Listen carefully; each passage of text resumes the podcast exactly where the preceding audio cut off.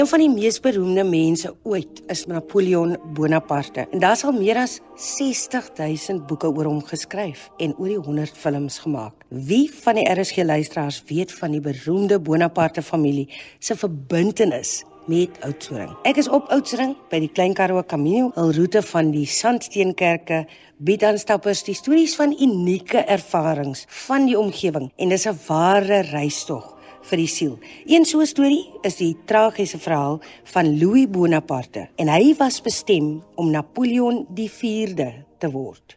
En hier by my om die verhaal te vertel in die Sint-Xavier Kathedraal is Carol French. Hallo Carol. Dit is baie lekker om hier te wees en bietjie te kan vertel oor hierdie wonderlike storie, maar dit gaan oor sy klein neef, Louis Napoleon kroonprins wat hier in Suid-Afrika gesneuwel het in die wat hulle genoem het die Anglo-Zulu oorlog. Hy was die hoop van die Bonaparte in eh, die Napoleoniese mense in in Frankryk dat hy die nuwe keiser sou wees.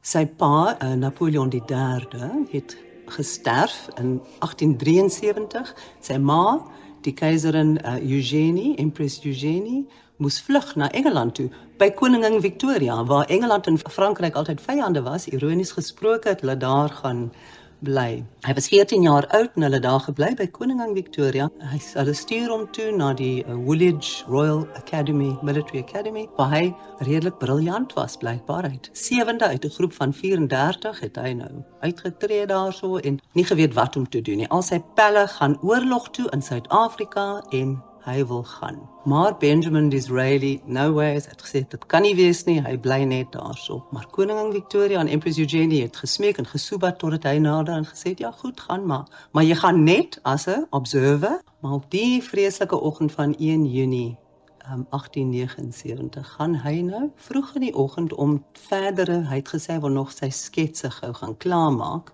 van die uithoeke van waar hulle nou verken het om die groot beplande terugslag van die Britse weer mag teen die Zulu koning ehm um, Cetshwayo wou hulle dit gaan opskryf en teken en al die dinge nou want daar was natuurlik nie kameras en goed nie so hulle moes nou die kaarte en die goeie gaan doen. Daar was net 'n klein groepie van 6 mans en 'n Zulu verkenner en 'n wat aan in die Britse weermag toe was en iemand met die naam van Lieutenant Carey dink ek was sy naam wat 'n groot vriend van hom geword het. So as 'n groepie van 8 van hulle of 9 van hulle wat toe uitgegaan het. Hy het sketse gedoen en daaronder in die valleitjie daaronder sien hulle toe 'n um, 'n ou kraal wat gelyk van iemand daar is nie en 'n rivier hy wou gaan water haal en so aan. Hulle gaan toe af en omdat dit so rustig was, het hulle glad nie 'n wag gestel om te kyk wat gaan aan en so aan nie. En skielik kom trends van die middel van die dag toe kom die die Zulu verkenner en hy sê hy het Zulus gesien op die koppie daarso. En ehm um, ewe skielik toe sien hulle hier kom hierdie mens weet nie hoeveel nie miskien 40 ehm um, Zulu impi op hulle afgestorm en begin skiet. En hy skree toe die bevel you know prepare to mount. In voordat hy nog op sy perd kon spring dan um, het hulle begin skiet op die klein groepie met die kroonprins by en die Zulu verkenner hy's toe doodgeskiet en ek dink twee van die wagte is daar doodgeskiet. En die kroonprins kon nie op sy perd kom nie. Die perd het hom toe gesleep vir so 'n hele klomp meter en toe gryp hy aan die die die holste van die van die saal, gryp hy vas om homself op te trek en daar breek die holste. Dit was maar net die noodlot en hy val toe onder sy perd wat sy hand toe vermink het. Maar blykbaar het hy sy geweer uitgehaal met sy linkerhand op hulle begine skiet en maar het op hom afgestorm en hom doodgemaak. Maar hy het blykbaar soos 'n leeu geveg. Karel, hoekom weet jy so baie van hierdie goed? Waar van waar daai belangstelling en passie? Dit het begin met hierdie skildery hier in die kathedraal wat nou nie 'n skildery is van die Zulu oorlog of iets of van hom nie, maar 'n geskenk van die Empress Eugenie wat sy aan Oudtshoorn se kathedraal geskenk het. Uit danksegging vir die rol wat die priester wat hier gewerk het. Hy die liggaam, die oorskot van die die kroonprins begelei terug Engeland toe. En uit dankbaarheid het sy nou hierdie wonderlike skildery van die allerheiligste hart van Jesus het sy aan die kathedraal wat destyds net 'n kerk was gestuur as danksegging. Niemand het geweet daarvan nie. Hierdie is eers in die 90er jare ontdek in die argiewe hier onder in die kerk. Toe een van die priesters van die oratorium dit toe daar ontdek en toe beginne, maar my magtig hierdie is 'n ontsettende kosbare en pragtige ou skildery wat opgerol was vol stof in die argief en maar geen provenance van die van die skildery het ons nie. Ons weet hy's in 1870 of iets is hy geskilder in Frankryk in Nantes maar uh, maar verder weet ons niks nie. Nou as 'n klein storieetjie wat hier aan wat ons hier net opgesit het laat mense kan lees daarvan. Ek lees dit nou. Kort na die uitbreek van die Anglo-Zulu oorlog in Februarie 1879 het die keiserlike prins van Frankryk Eugène Jean-Joseph Napoleon, seun van die keiser Napoleon III, toestemming verkry om by die Britse leer in Zululand aan te sluit. Hy het op die 1 Junie 1879 tydens aktiewe diens gesneuwel.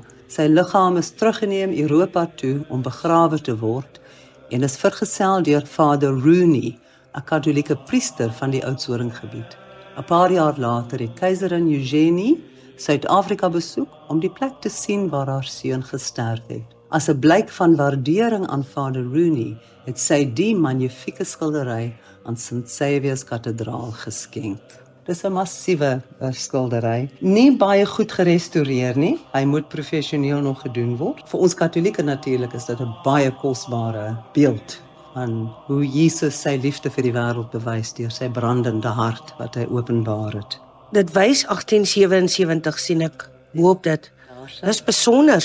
Dit het my vreeslik laat dink nou aan hoekom Empress Eugenie dit gedoen het en toe die vreeslike hartseer storie van haar enigste seun wat nou hier gesneuwel het soos 'n baie dapper soldaat. Hy het 17 assegaai wonde, een deur sy oog, een deur sy hart en die res oor sy liggaam voordat hy nou gesterf het. Maar hy was 'n brawe, dapper soldaat. So dit het nie net Frankryk geruk hierdie nie. Dit het Europa geruk. Die 1800s was 'n baie onstuimige tyd in die geskiedenis van Europa. En natuurlik Engeland wat nou verantwoordelik was vir hierdie kroonprins se veiligheid.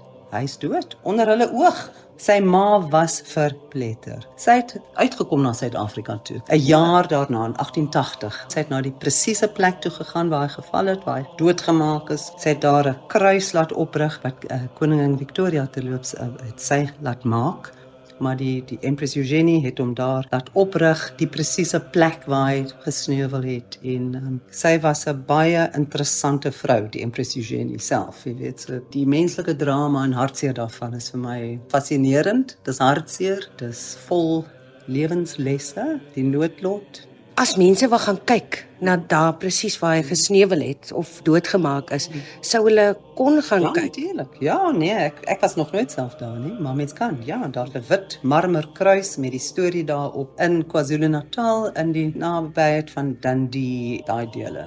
En hierdie skildery wat in die kathedraal is, kan mense dit kom besigtig? O, met die grootste liefde dit moet gesien word. Mm. Dis pragtig. Maar daar's natuurlik 'n baie lang en groot geskiedenis daar agter wat hartroerend is, dink ek.